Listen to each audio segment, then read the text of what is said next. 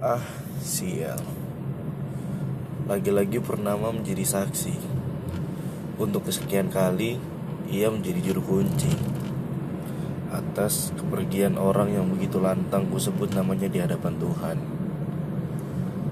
Ku tatap cahaya nanar berjarak ribuan waktu dari tempatku berlabuh. Hei, mengapa diam saja? Kau yang selalu menemani setiap malam gundahku. Tolong, bantu aku menjelaskan padanya. Ia terdiam. Cahayanya meredup seakan menghilang. Ah, pengecut, umpatku padanya. Untuk yang kesekian kalinya pun ia terdiam. Seakan ini tak tahu apa yang kurasakan. Membiarkanku kehilangan untuk yang kesekian kali. Apa aku harus menghadap Tuhanku kembali? Ah, aku merasa sangat malu.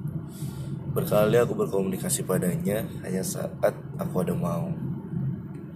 Pandanganku teralih pada sesosok manusia yang baru saja kulewati cerita dengannya.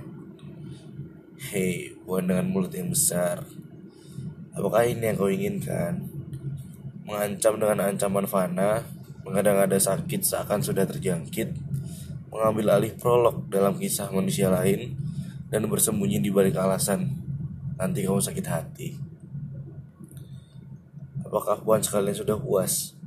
Epilog Fana terlihat nyata oleh frasa yang buas. Membuat seakan tanpa pilihan. Hanya monolog tanpa hadirnya dialog. Merasa menang dan senang di atas penderitaan. Tertawa lepas di atas penyiksaan. Dan seakan ikut berduka saat berjabat tangan. Ah, persetan mental bajingan. Apakah puan sekalian sudah bahagia? Ikut mengambil peran dalam cerita. Menjauhkan dua manusia yang bertekad saling mengobati luka.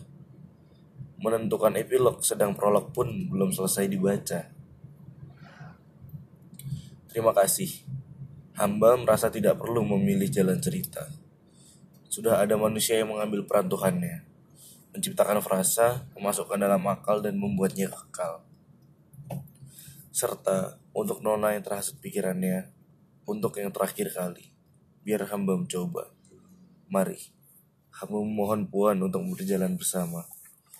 Mari, hamba mengajak puan untuk menikmati prosesnya. Angin sekalipun tak akan menyakiti puan jika kita berjalan beriringan. Anggap bahu ini sebagai perlindungan. Akan hamba sediakan apa pun yang puan butuhkan.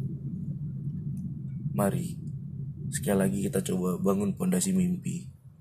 Melekatkan harapan lebih tinggi. Jika jatuh, kita bisa bangkit lagi. Dan berdiri tegap menghadap dunia bersama. Dunia tak perlu tahu kita sedang babak belur. Mari tunjukkan kita masih tegap dan tak hancur.